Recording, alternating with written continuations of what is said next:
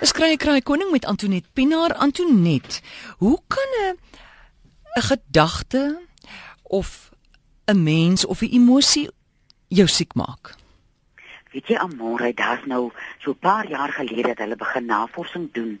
Hoekom mense in tronke, mans kry uh, prostaatprobleme, mense kry tering in in, in tronke of uh, longprobleme. Ja.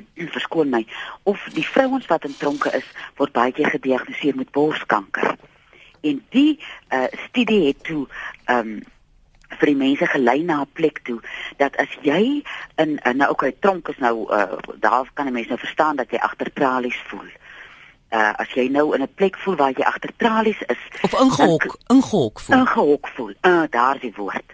Dan kry jou longe swaar. Nou ons longe het nou ons ribbekas oor om hom te beskerm. En dan word jou ribbekas nie 'n beskerming nie, dan word hy hierdie inperking, hierdie tronk.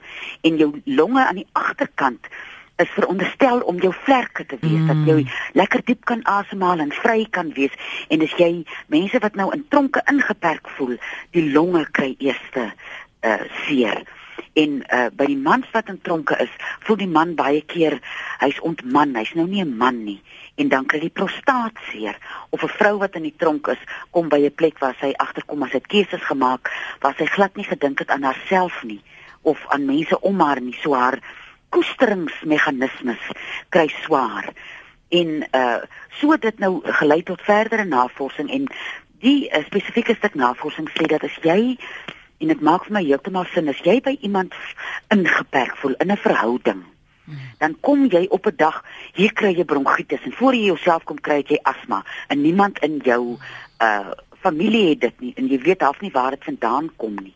En jy gaan nie binne 'n jaar byvoorbeeld met jou longe sukkel of uh, in byvoorbeeld asma kry of uh in 'n man se uh 'n man byvoorbeeld nou prostaatprobleme kry nie oor jare ja. kry hierdie meganisme in jou liggaam seer. Antoinette, skus tog, die vraag moet eintlik wees of die titel van hierdie praatjie moet eintlik wees hoe jou emosionele toestand die die die die invloed ja. daarvan op jou lyf. Ja, nee, ja. Dis eintlik die vraag. En ook dan in watter posisie jy jy sit in jou verhoudingslewe. As jy op 'n plek is waar iemand uh jou jou heeltyd jou selfvertroue saboteer. Dat jy heeltyd voel soos 'n voeltjie op 'n tak, jy weet nie eintlik waar's reg en hoe wat dan probeer dink 'n mens aan dinge soos, oh, "Gaan ek uh, finansiëel sterk genoeg wees as ek uit hierdie verhouding uitklim of as daar kinders is? Wat van my kinders?" Maar as jy begin van die beginpunt af, wat is die tol wat geëis gaan word op my liggaam?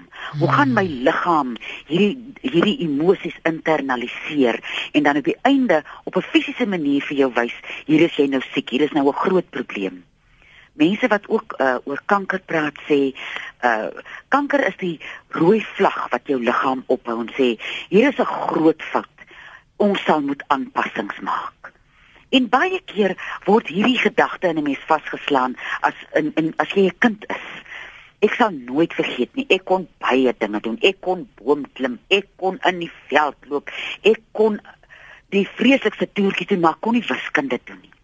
En ek het hier in standaard 5 uh het was daar 'n onderwyser wat vir my gesê het, "Wie as jy jy is amper so dom dat jy, ek kan dink jy kan vergeet om asem te haal." En dit het 'n verskriklike in uh invloed op, op my gehad. Deur my universiteitslewe soveel so dat ek na 'n honeursgraad gedoen het om tog net vir mense te wys ek is nie dom nie, maar ek het nooit geweet dat dit kom uit daai een opmerking. En toe was daar nou 'n paar ander want ek ek was nou uh, verveeld op skool en daaroor was ek stout. En ek het in verhoudings betrokke geraak met hierdie slim mans dat ek nou kan ek het nou nie dit bedoel dat ek heeltyd moet dom wees, maar ek het gedink ek gaan slimmer word as ek by 'n man is wat slim is. En dit het eintlik die teenoorgestelde invloed uh, in my lewe gehad.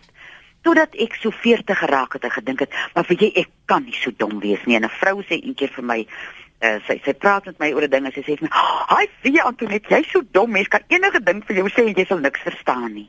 En ek is al vies daar ek dog, wat sê die vrou vir my?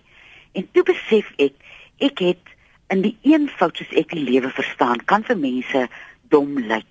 Maar ek het op 'n plek gekom dat ek nie meer vir mense hoef te wys of 'n vlaggie in die straat te hou, te loop en te swai en te sê, "Hoorie julle, ek is nie dom nie, hoorie julle, ek is nie dom nie." En daar is terapeute wat 'n mens kan help om te kyk wat het jy daar vasgevang. Iewers in jou kinderlewe het daai idee gevorm dat jy dom is. En my idee dat ek dom is, het my minderwaardig laat voel en het my laat voel ek is nie goed genoeg nie. En dit het 'n geweldige invloed op my fisiese gesondheid gehad. My lewer was elke nou en dan nie lekker nie want die lewer is mos die sitplek van die siel.